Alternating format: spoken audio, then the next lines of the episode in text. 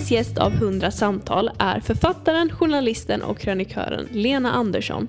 Aktuell med boken Dottern och tidigare Sveas son. två romaner om folkhemmets uppbyggnad och fall. Vad vet vi mer om Lena? Ja, det finns ju mycket att säga om Lena. Jag måste säga att jag blev faktiskt lite ledsen efter att jag träffat henne. Eh, för dagen efter vår inspelning så vaknade jag upp med en tomhet och insikten om att jag aldrig mer kommer att få prata med en sån person. För för mig är Lena Andersson en förebild. En person som inte automatiskt följer flocken. När alla springer åt ett håll är hon den som stannar upp och ifrågasätter och vågar springa åt ett annat. Eh, vilket både ibland irriterar och retar en del. Eh, och jag förstår faktiskt inte det. För eh, det handlar inte om att hon vill trycka på folk sin åsikt utan istället se saker från andra perspektiv. Eller som hon själv uttrycker det, försöka förstå hur saker hänger ihop. Ja, men jag tror att en del blir rädda och tycker eller upplever henne som att hon är fyrkantig och hård. Jag skulle säga att det är tvärtom. Hon är väldigt varm och rolig, charmig och väldigt vänlig person. Verkligen. Och otroligt träffsäker i sitt skrivande. Hon har ju tilldelats Augustpriset, litteraturpris, Guldpenna. Men att hon skulle ha en fallenhet för att skriva tycker hon inte själv. Det har jag nog egentligen aldrig tänkt att jag har en fallenhet för utan jag har varit mer intresserad av vart jag bara, inte vart jag vill utan eh, att jag ville på något sätt lösa problem eller jag ville förstå tillvaron. Eh, för att man har ingen fallenhet för att skriva riktigt tycker jag. Utan det, av det skälet att det är så det är inte bra förrän det blir bra. Det är inte bra i början. Alltså ingen, ingen bok till exempel är bra när man sätter sig och skriver den. Utan man gör den i så fall bra om den, om den någonsin blir bra. Så det är ett arbete. Att själva berättelsen i sig är inte bra. Den utan är det bra är skriven. Den är inte bra, alltså det, det, det, det, det är liksom jobbigt innan det blir någonting. Mm. Så att man känner inte så här, åh vad jag är snitsig på det här. Absolut inte. Och även artiklar är så dåliga innan de blir bra. Alltså det är bara en massa ordmassor, det är ostrukturerat. Det är... Men, om det, men, men eh, ibland känner jag när jag är klar att mm, det här blev ganska intressant. Uh, och, och, det är det man kan hoppas på. Och även när jag skriver en bok så känner jag, eh, när jag har på jobbat med den jättelänge, att ja, det här intresserar mig. Uh, här flyter det på bra. Men, men det är långt ifrån att tänka så här, åh, jag är duktig på det här. Det, det, det, är inte riktigt det det handlar om. Utan det är, för mig är det problemlösning, att försöka formulera någonting som jag uppfattar är sant och behöver sägas. Eller som är intressant och behöver sägas. Så det ligger på ett annat plan på något sätt. Och det är ganska mycket slit tycker jag nog att det är ändå. Ja, för jag tänkte precis fråga det om du skulle säga att det är mer en talang man har när det kommer till skrivandet eller om det ligger mest slit bakom det. Skulle du säga att det är en, att man antingen har det eller inte har det eller kan man liksom jobba sig till det genom slit? Alltså skrivandet består av många komponenter. Eh, det består dels av, av språk, eh, språkförmåga, språkkänsla. Eh, den kanske man har en tendens för eller inte. Eh, och sen behöver man då arbeta på den som med allting annat. Den, den kanske man har där, eftersom man har det intresset så, så också kommer man att arbeta med språket och vara uppmärksam på språket. Det tror jag kan vara en sorts talang. Eh, läggning kanske man kan säga. Det, språket är bara en del. Det andra är att man måste ha något att vilja säga. Man måste vilja kommentera världen på något sätt. Eh, eller kommentera språket för all del. Det finns det också författare som ägnar sig åt. Att att skriva om språket. Eh, man måste vilja... Eh, man måste vara intresserad av, av tillvaron eller människor på något sätt, eller sig själv, eller vara närvarande för att, för, för att kunna gestalta. för att förstå vad som är intressant eh, för en själv och för andra. Så det är så många komponenter i det som vi kallar skrivandet. Men en sak som väl kanske förenar författare eh, åtminstone har gjort det förr. Eh, det, det, man måste nog ha ett intresse för människor. Och för människor i samverkan. Eller för vad är en människa? Och vad är ett samhälle? Vad är, vad är människan i samhället? Och om man ska skriva, som jag också gör, ju krönikor eller kritik kan man kalla det också så behöver man dessutom vara intresserad av, vilket jag ju är då, alltså idéer. Vad, vad moralfrågor, vad är rätt, vad är fel, hur, hur, hur eh, ser det ut i vårt samhälle, hur tar det sig uttryck och hur kunde det vara och hur, och hur borde det vara. Så, så det är en massa saker man behöver vara intresserad av för att det ska bli och jobba på. Och så måste man framförallt läsa mycket. Mm. Men hur ser en process ut skulle du säga? Hur lång är en genomsnittsprocess från det där första fröet och idén till att den boken är färdig och du faktiskt är nöjd? Det kanske du aldrig riktigt blir eller? Jo då, när jag är klar är jag klar. Mm. Då tänker jag inte att jag skulle ha gjort den på något annat sätt. Det, det är nog det som är att bli klar. Att uh, nu kan inte jag ändra så mycket. Man kan alltid ändra på meningsnivå. Men att jag inte känner att det är meningsfullt att jobba vidare egentligen. Då, då är den klar. Och då är jag, kan man säga, nöjd. Men om vi säger så här, eh, egenmäktigt förfarande då, som kom ut 2013. Den, den, den började jag skriva alltså, juli, i början på juli 2011. Det, det vet jag precis när jag satte mig och började skriva den. Eh, och då hade jag egentligen inte tänkt på den så mycket innan, hur, vad den skulle bli. Men jag parallellskrev den med den som kom sen som heter Utan personligt ansvar. Du skrev dem parallellt? Jag hade redan börjat på Utan personligt ansvar när jag började på den. Så jag kände att jag behövde en komplettering till den. För jag var osäker på hur den här boken skulle bli och se ut. Så då började jag skriva den och sen skrev jag dem parallellt under 12 december lämnade jag in ett manus. Så då hade jag hållit på ett och ett halvt år nästan med egenmäktigt förfarande parallellt med den andra. Så låt säga ett år då. Ganska planlöst egentligen bara. Och sen så skrev jag, putsade jag på den kanske några månader sen på våren. Ah, två år då säger vi. Mm. Men om jag, om jag verkligen bara, bara satte mig och gjorde det, då skulle det kanske ta ett år. Om jag, om jag visste precis det här ska jag skriva. Jag ska sitta varje dag. Då skulle det nog gå lite fortare. Men, men det är inte så mycket att eftersträva för det behövs de här um, avlagringarna av tid. Alltså att den texten ligger till sig.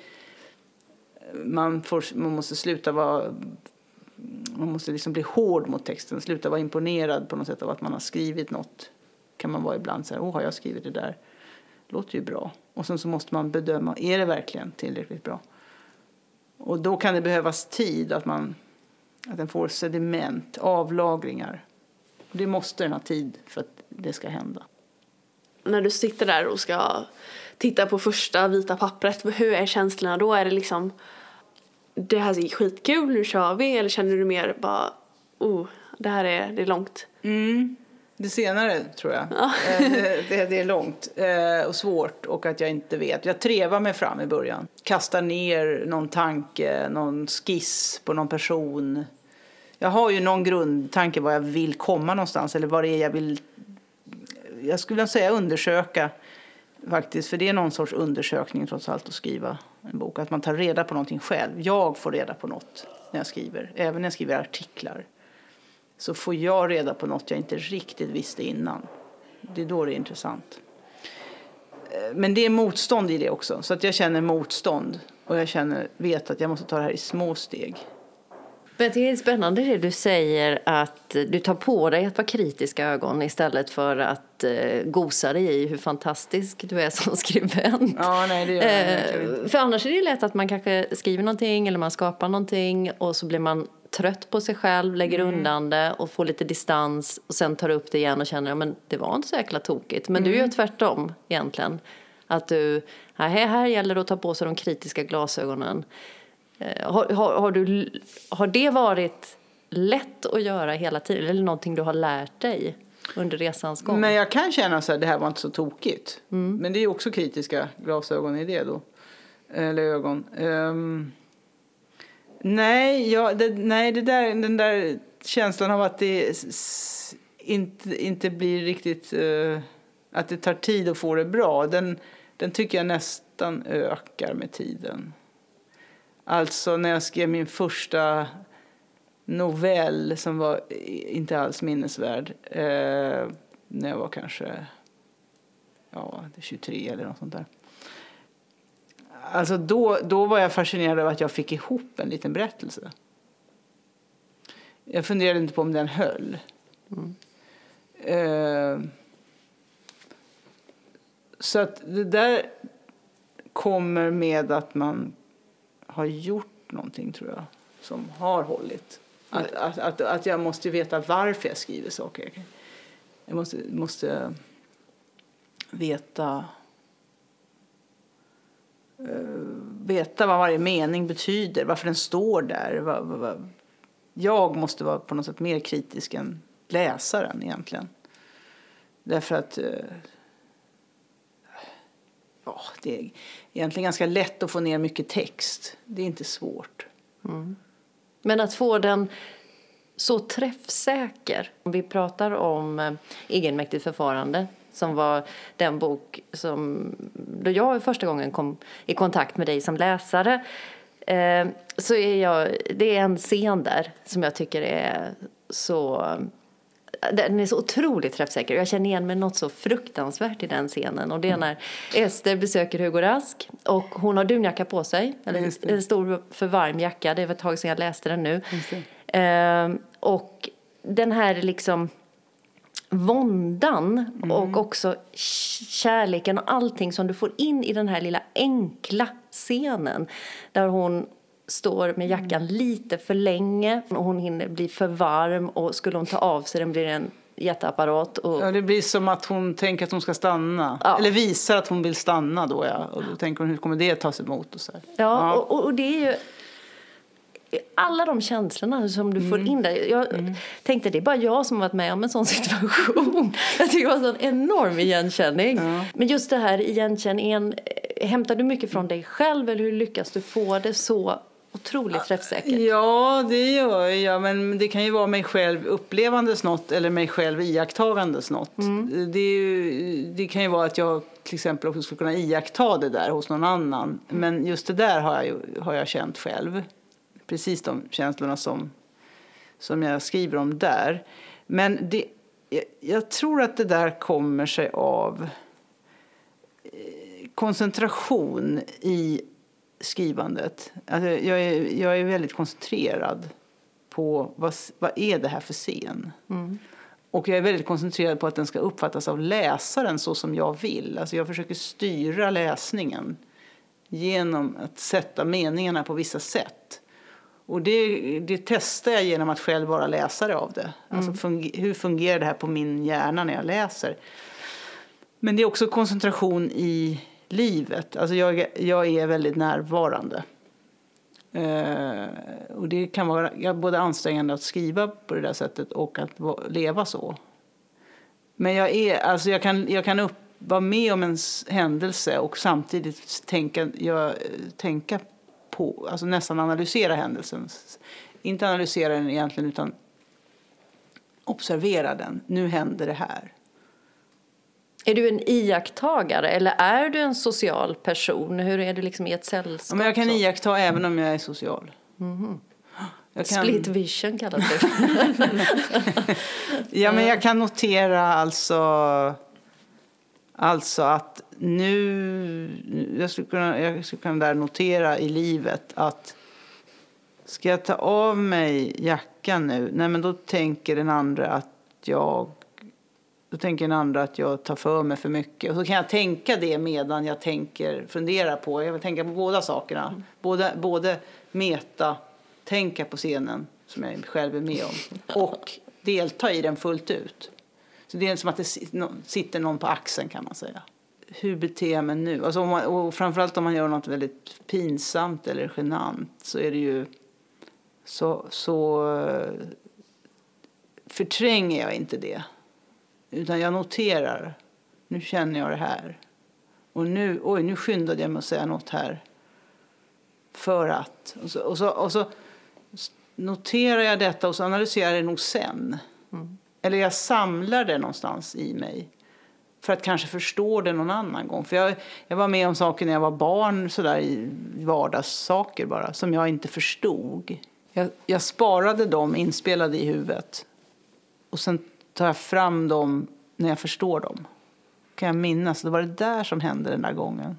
Hade det varit jag i, i den här för varma jackan så hade jag upplevt allting. Och det var det som var så häftigt att någon annan kan sätta ord på de känslorna som man själv har upplevt. Men jag hade förträngt situationen, jag hade varit i stunden och känt, åh pinsamt, jag vill bara mm, liksom, mm. att samtidigt kunna gå upp ovanför och analysera situationen. Den förmågan hade jag inte haft. Jag tror att jag är intresserad av vad som händer i en sån där situation. Eh, man gör en massa saker och man, man får stimuli och ger stimuli. Man orsakar andras beteende och andra orsakar ens beteende och man håller på med trixar med grejer. Eh, jag har en rätt så försonande blick på människan, tror jag, på sätt och vis.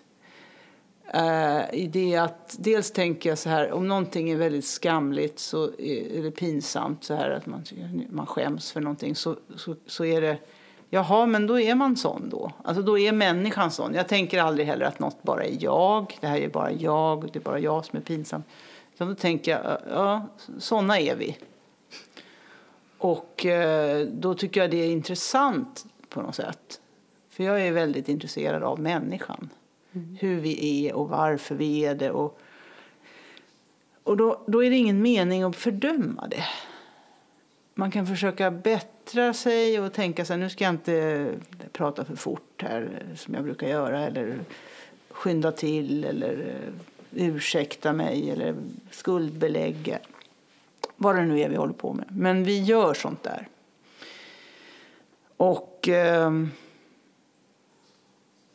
en så, och särskilt när det är såna här laddade scener som etsar sig fast i ens minne och ens liv så intresserar de mig. Att, och jag, just spelar, jag på något sätt spelar in dem och låter dem ligga för senare analys. Mm. Du känns ju 100% lojal med dina åsikter.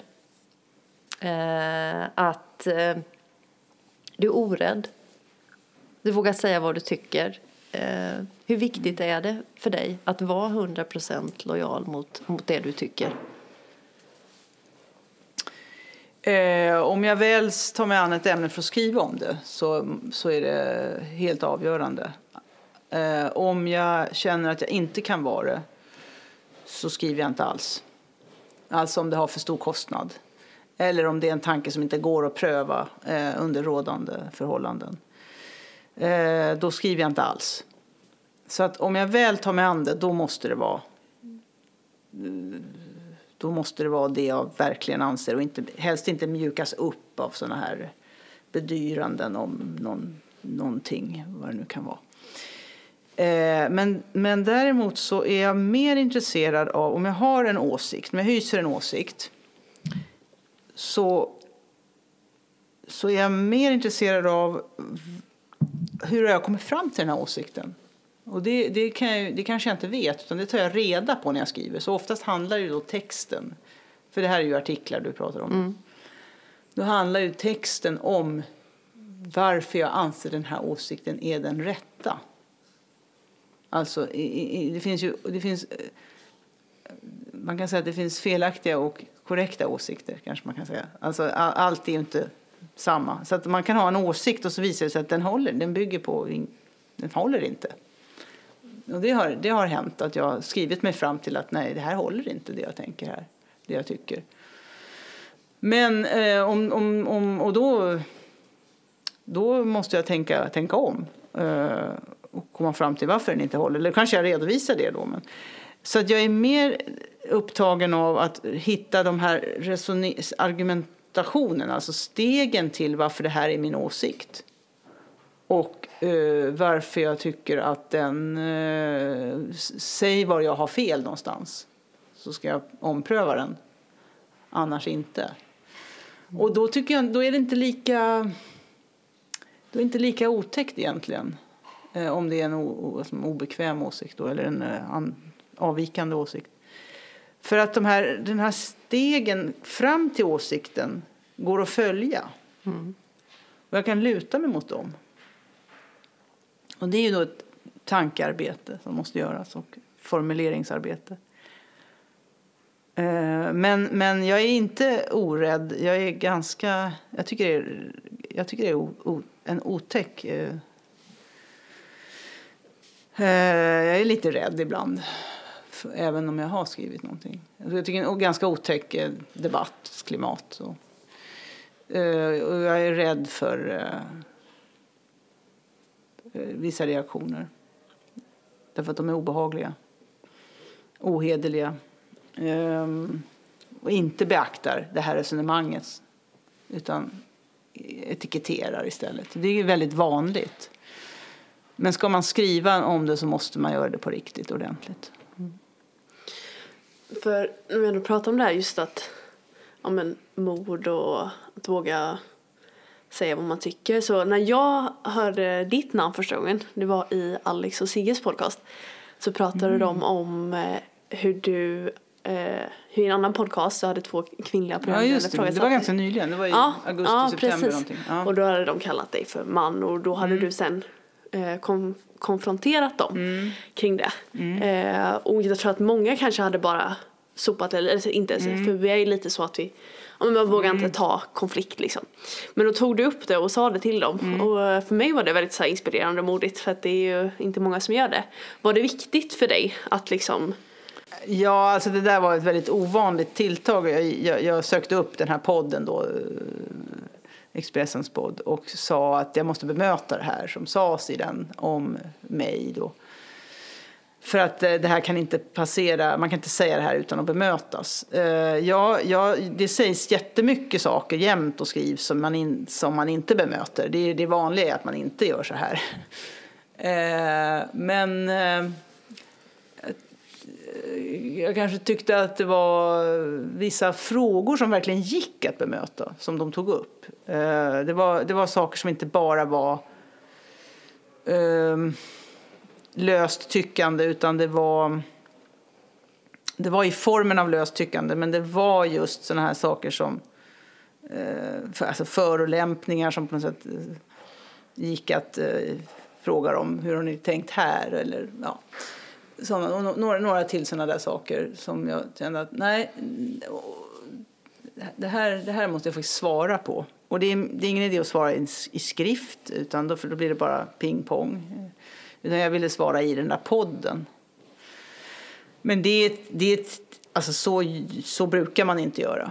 Utan man låter oftast eh, förolämpningarna passera och eh, folk, folk får säga vad, vad de vill eh, och så låter man det pågå. Men jag tycker ju också att det är, det är illa med hur... Alltså jag tycker inte att vi har någon bra eh, debatt. Och med sociala medier så har den här eh, eh, hårda tonen eh, blivit värre. Så jag på något sätt också kände att jag ville in och kommentera det. Alltså jag, jag, jag har också saknat det här samtalet snarare än... Alltså att man faktiskt bemöter varandra i samtal och diskuterar snarare än, än att bara kasta ur sig invektiv. Så att... Um, ja, men I det här fallet då, när de kallar mig för man så... Så, så jag, men jag är intresserad av den här frågan om, om eh, eh, könsdefinitioner och eh, jag har en ganska stark uppfattning om att det är, det är, det är lite konstigt det här med att eh, alltså, kvinnokampen har handlat om att kvinnor ska få en bredare roll. Alltså man ska kunna göra, man kan, man kan vara kvinna på massa olika sätt. Det är för mig vad det handlar om. Man ska inte vara i en mall. Och, om man då, och så plötsligt när, eh, eh, blir det, det har varit det progressiva, framåtsyftande. Och så plötsligt vänder det här och det blir på något sätt eh, progressivt att istället anse att gör man så där, ja, ja då är man nog man egentligen. Eller kanske borde känna sig som det, eller alltså att könet blir subjektivt. Så jag tyckte det var en intressant fråga i dessa tider, att, precis nu. Um, och att jag är, är lite trött på hela sättet att uh, Alltså det här lättsamma elakheten som har blivit värre med sociala medier. Mm. I, skri I skrift är det, det är någon broms i skrift. Alltså man, man kan inte skriva samma sak som man kan säga. Mm. Ja, det är verkligen förståeligt. Men allmänhet är du ganska okänslig. Det känns som att du kör ditt inre race liksom. Är du okänslig om vad andra tycker om dig? Är Nej. Du så här? Nej, du är inte det. Du är... Inte alls. Eh, inte alls okänslig. Eh, jag eh, läser helst inte vad andra tycker. Jag kollar aldrig vad någon tycker om mina artiklar. Eh, eller böcker. ja, alltså recensioner möter man ju naturligtvis. Men eh, jag är inte på sociala medier för att eh, jag skulle gå under fullständigt. Eh, nej, jag är inte okänslig eh, alls utan, eh, för det. Utan, eh, jag, håller mig, jag har en strategi, jag håller mig undan. Men det är inte alltid det går. Eh, däremot så att jag, det du säger, kör mitt egna race är att jag har en, en eh, felaktig tror jag, uppfattning om att om jag säger det här så kommer folk hålla med mig. Om jag förklarar precis vad jag menar och är alldeles glasklar och tydlig så kommer de säga, ja ah, just det, kanske så ja, så är det nog kanske.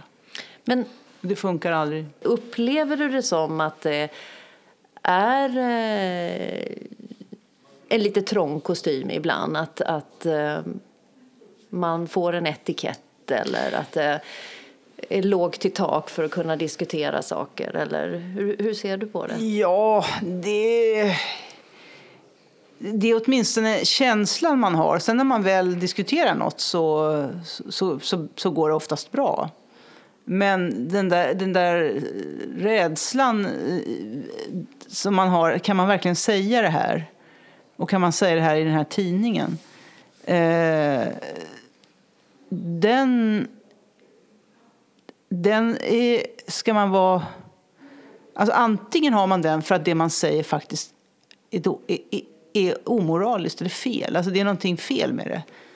Alltså ibland när folk säger det får man väl inte säga i det här landet så är det för att de känner på sig att det där, det där ska man inte tycka. Mm. Så det får man vara uppmärksam på. Eh, politisk korrekthet, om vi ska ta det begreppet, det, det, det är ju, vad, vad, hur man använder det är att det är skenheligt egentligen. Men, men det finns ju någonting med också, det finns ju faktiskt ädla värderingar. Och när man säger PK så är det egentligen att folk har lagt beslag på de ädla värderingarna. Och det finns ädla värderingar. Det är bättre än, än, bättre än, än sämre. De är bättre än dåliga värderingar. Eh, problemet är när det blir hyckleri eh, eller när, man inte kan, när, man, när de faktiskt är omöjliga. Att det bara är floskler eller språk eller för att visa att man har rätt åsikter men kanske inte lever så.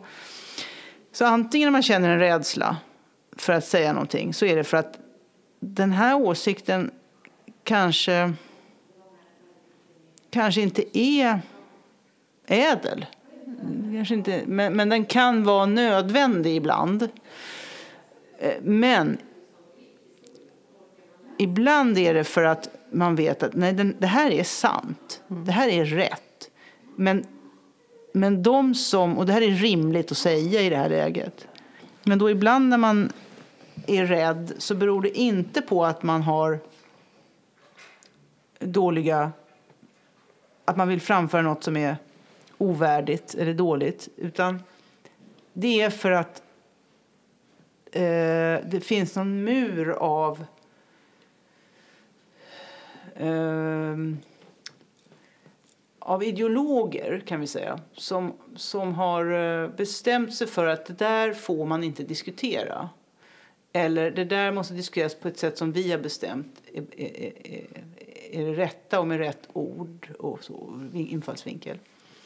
Och det man blir rädd för då, varför det är otäckt att skriva då, är, att, är för att det, det hjälper inte vad man, hur man underbygger. För det kommer ingen intressera sig för. Utan man kommer se till att smutskasta, eh, benämna med, någon, eh, med något negativt ord, eh, för, föra in i en folla. Trots att kanske resonemanget är intressant och behöver diskuteras för att man har ännu inte gått på djupet i frågan. Um, och det är det jag menar med etikett. För att det finns ju etiketter som är korrekta, eh, men de är ibland eh, istället för att diskutera sakfrågan. Eh, och det här är en, eh, en, en, en, slags maktutövning. Det är alltså en, lite antiintellektuellt, tycker jag. Eh, men det är också en, en större samhällsidé som är att den där behöver vi inte lyssna på för den kommer från den klassen, det könet, den hudfärgen. Vi behöver inte lyssna. Mm. Den, den, det partiet, eller vad det nu är. Alltså att avfärda på grund av oavsett hur argumentationen ser ut. Det är frustrerande och det är det jag menar med etikett.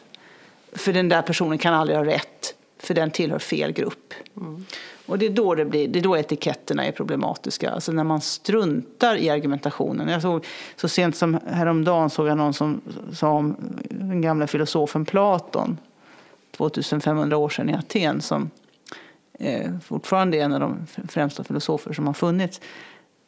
Nej, men han var ju släkt med de där tyrannerna i Aten. Så han för, ta, förde deras talan och var egentligen hade ett intresse och eh, ja, jag menar det är tusentals sidor med argumentation. Mm. Och att reducera honom till vem han är släkt med. Och att bara förutsätta att han då har ett intresse, att han, att han eh, inte kan med sitt förnuft eh, se tillvaron, vilket hela hans filosofi går ut på. Att med förnuftet se om, om det ligger någonting i något, en tanke eller inte. Och, på vilket sätt. Utan han är fastkedjad vid sin grupp. är så tröstlöst. Mm. Och det är sån härskarteknik. Så att det inte går, det går inte att, kan inte bli mer. Och så är det ju väldigt ofta. Mm. Men blir du, kan det, kan det bekymra dig? Att du tror att det är hämmande för samhällets utveckling? Ja, totalt. Ja, det är fullständigt hämmande. Det är det mest hämmande som, som vi har att handskas med. Det är massor med texter som inte blir skrivna, Eh, yttranden som inte blir gjorda, som hade varit intressanta att eh, lufta eller diskutera. Och som, eh, ja, ja, det är helt styrt av det här. Helt styrt. Det, är otroligt bekymmersamt. Och... Ehm, eh, många, lever, många skribenter som är kanske anställda på eh, mer traditionella eller liksom, officiella medier lever väldigt hög grad, märker jag, sina liv på Twitter. Mm. Alltså de ser vad folk skriver på Twitter och det, om det blir ens världsbild så kommer man att skriva mot den. Så jag tror Twitter har gjort stor... Eh, det, det har påverkat väldigt mycket. Men när vi ändå är inne lite det här med sociala medier. Du nämnde det innan att du, du är inte på sociala medier eller så. Men om vi tänker att du hade varit tonåring idag och växt upp mm. i det här mm. sociala mediesamhället. Vem tror du att du hade varit då? Oh. Ja... Jag tror, man är, jag tror att man är den man är. Så att, um... Tror det varit jobbigt för dig? Ja, alltså när jag var tonåring då, så var jag på 80-talet. Så var jag till exempel eh, alltid sist med att hänga med i ny musik. Alltså jag hängde aldrig med i någonting. Jag hade aldrig tittat, sett på de tv-serierna man skulle se. Så att jag låg efter hela tiden. Eh, och om jag gnolade på en låt så visade det sig att den alltid var gammal. Alltid var gammal. Ja, Och gammal kunde vara tre månader gammal då. Men dock. just det. Ja. Då var det gammalt. Då var det gammalt och då var det Radio Stockholm som, som spelade det nya och sådär. Så att det hade väl varit eh, så för mig om jag hade fötts exakt allt annat lika då för 17 år sedan. Och nu vart 17 år och nej, men eh, jag, jag vet inte vad jag skulle skriva för klatschigheter på sociala medier. Jag, jag, jag, jag tycker saker om verkligen hela tiden. Jag har mycket, mycket åsikter och så. Men jag, jag, eh, jag är lite, alltså jag är på, på riktigt främmande inför att skriva någonting ut i tomma luften så här. Det låter kanske konstigt när man skriver i en tidning och skriver böcker för det är tomma luften. Men det har mycket mer än mottagare. Alltså, alltså, jag tycker sociala mediers form, eller Twitters form, är för mig mer det är som ett sms. Och ett sms måste jag skicka till någon. Alltså jag måste skicka, skicka det till någon.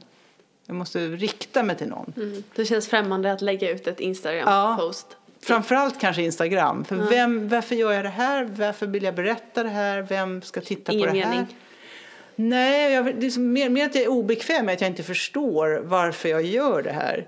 Mm. Eh, varför skulle jag göra det här? Jag måste förstå vad jag gör. Annars, annars, annars förlorar jag mig själv. Hade du velat se Lena Andersson göra det? Varför skulle hon göra det? På Instagram?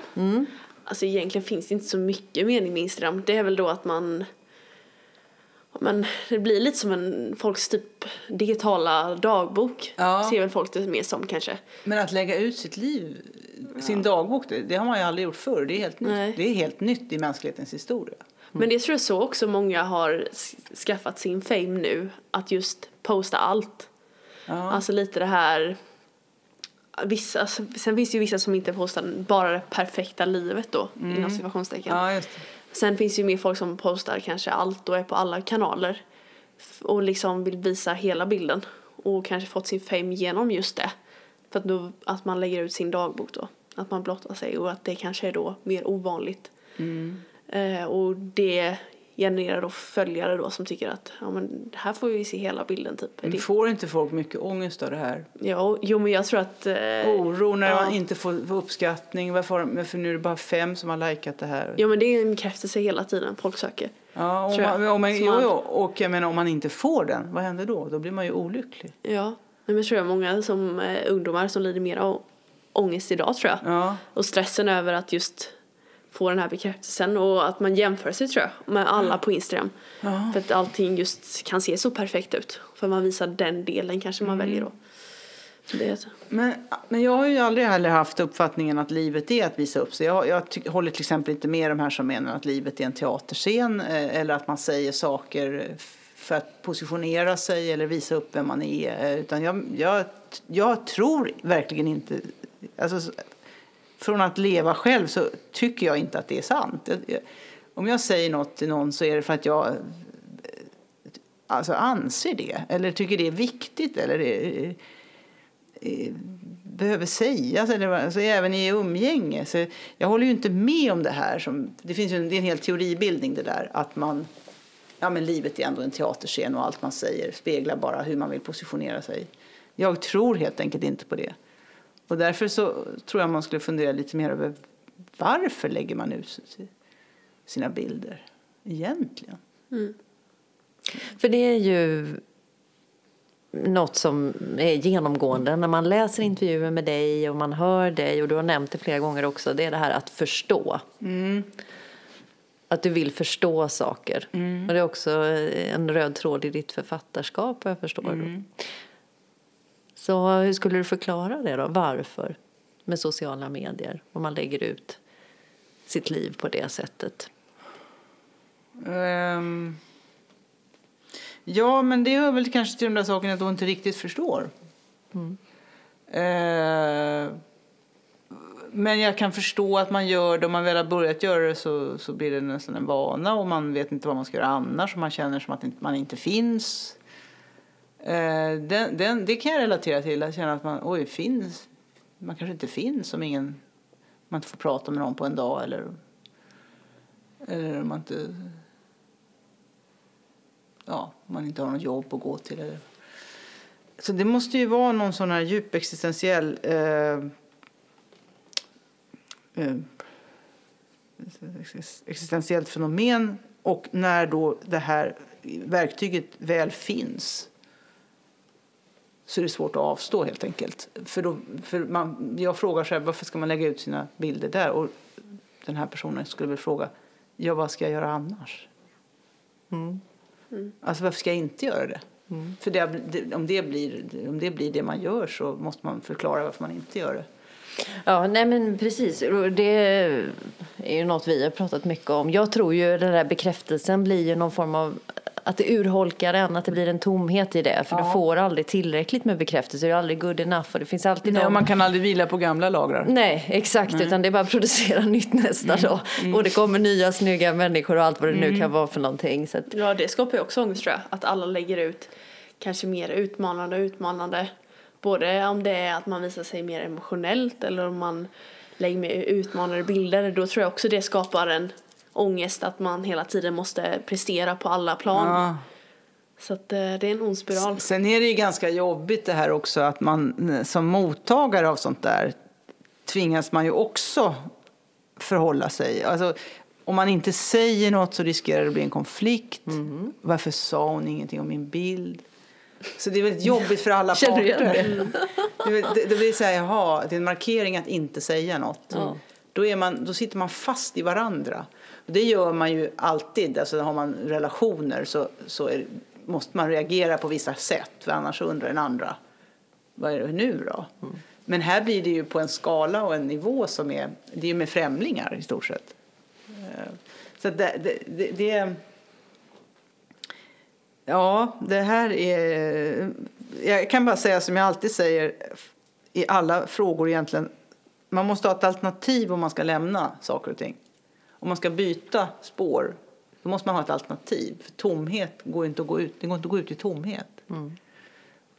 Uh, då måste man ha ett liv, uh, man har ett inre liv, man måste ha en syfte, man måste vilja någonting med det här livet man har som inte är att korta tillfälliga kickar. Och det är banne mig inte lätt att hitta. Så att, eh, det är inte så att nutidsmänniskan är annorlunda. Än, eh, alltså hade Instagram funnits för hundra år sedan så skulle de ha lagt ut. Så är det ju. Mm. Men de hade inte det. De försökte väl hitta något annat lite sämre substitut. Men, eh, men, man, men ska man befria sig från sånt här så måste man ha ett alternativ. Alltså då måste man ha något syfte med sitt liv. Att man ska läsa det här eller spela vad man gör, spela piano eller studera det där eller hålla på med någonting. Men det är nog bra, tror jag, om man ändå om man håller på med saker för sin skull och för dess skull. Och inte att det här måste jag visa för andra. Det här måste jag visa för andra. Vi ska så smått eh, runda av, men vi har två stående frågor som vi brukar fråga alla som vi intervjuar då. Eh, och den näst sista frågan är då, handlar ju om, vi heter ju då av 100 samtal och då undrar vi om du har något samtal som har varit avgörande i ditt liv. Eller som du tycker har betytt extra mycket. Alltså, det kan vara mer vad någon, någon replik någon har sagt någon gång till en som man kanske blev väldigt glad av eller tacksam för eller någonting. Men jag kan inte minnas ett samtal där jag så här insåg att så här, så här är det. är nog mer böcker som har gjort det för mig. Mm. Böcker eller någon sorts texter. Inte samtal på det sättet. De är mer terapeutiska tycker jag. Att man eh, pratar med vänner och förstår bekräftas i någonting man har tänkt eller får en ny uppfattning om något. Så jag kan inte komma på något sånt här samtal som har varit avgörande. Men när du säger aha-upplevelse utifrån böcker, vad, vad, skulle det kunna vara för någonting som har varit, har du haft någon sån bok eller författare eller filosof som har hjälpt dig, du kan luta dig emot eller som har, ah, tagit, ja. öppnat en dörr? Jo, eller? det är några stycken. Eh, det var en jag läste när jag förstod på något sätt vad rättigheter är för någonting. Det var Robert Noziks eh, Anarki, stat och utopi heter den. Där han helt analytiskt sett går igenom vad är en rättighet, varifrån kommer den och vad innebär det att man har en rättighet. Eh, och det var, det var inte, men den läste jag 2013 så det var ju inte så länge sedan. Eh, och sen läs, jag, jag är väldigt eh, förtjust i att läsa Platons dialoger. Eh, så de, de är en följeslagare på något sätt som jag hela tiden läser i. Det, det har varit också så där uh, eh, att jag har sett, ser världen på ett annat sätt.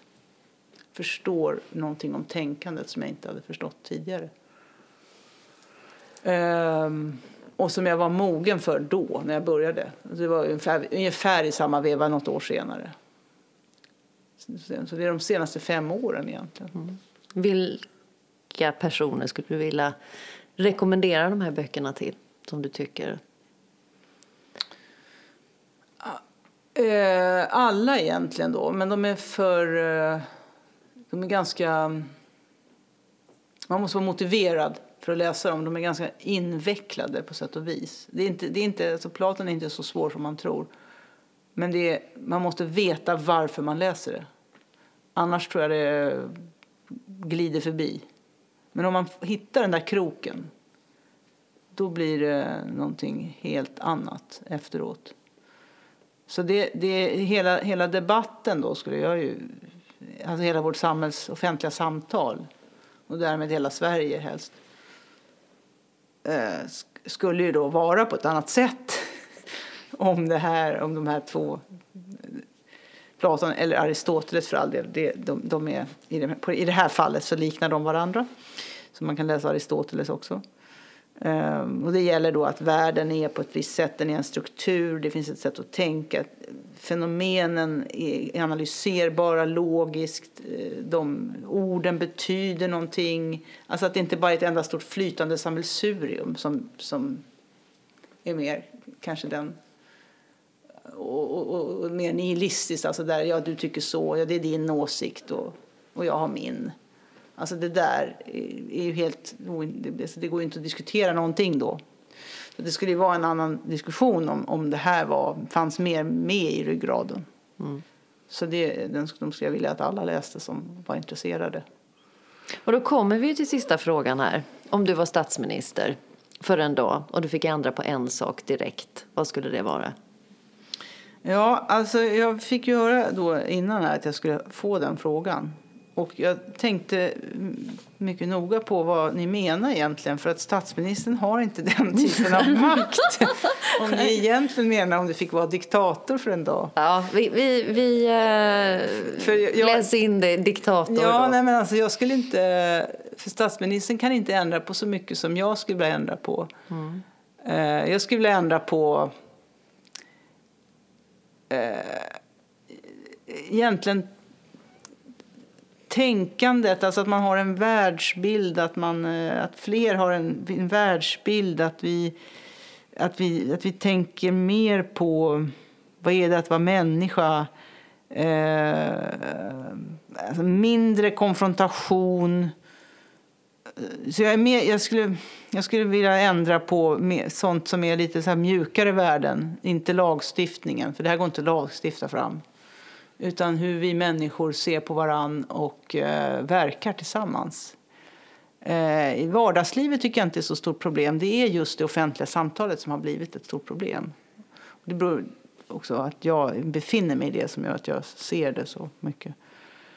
Eh, alltså den här konfrontationen, den här laddade, den här ja, avskyn, eh, den här grupp, oförsonligheten mellan grupper grupperna. Jag, jag tycker den är plåg.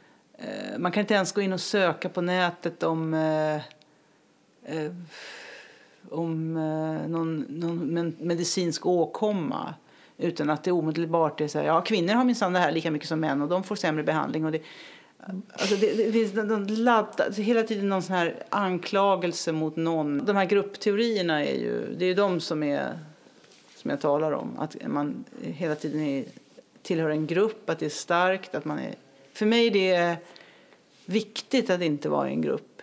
Alltså det, det, jag har aldrig... Jag är i en grupp en kort stund, men, eller ibland, alltså när, det, när det är relevant. Men jag är inte ständigt en sak eller tillhör en grupp eller lojal med en grupp. Jag, jag, jag tycker det är... Jag, jag, jag alltså är universalist. Alltså jag tänker att mänskligheten är en, trots allt. Och sen, ibland är det inte relevant att prata om hela mänskligheten. Ibland är det det. Ibland är man svensk, ibland är man maratonlöpare, ibland är man författare. Och då finns det olika grupper. Men det är inte det här, det här gruppandet eh, har ju blivit enormt framträdande. Det beror på olika saker som är av ideologisk, filosofisk karaktär. Men jag tror det är rätt svårt att reda ut. Då sparar vi det till nästa podd om tio år. Då kanske du har kommit fram till det. Men det var jätteroligt att träffa dig, Lena, mm, och verkligen. lyssna till dig. Och tack, eh, tack för att du tog dig tid. Tack ska ni ha.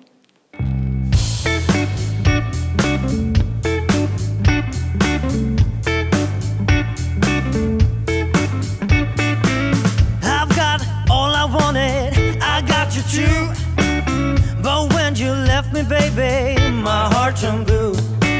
I don't know where I'm going, I'm falling free.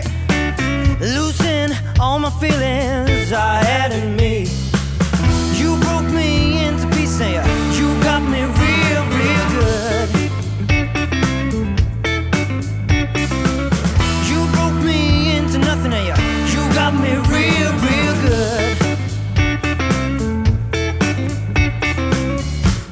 Heart refused to listen. What can I do? Backstabbing all my feelings. I feel for you.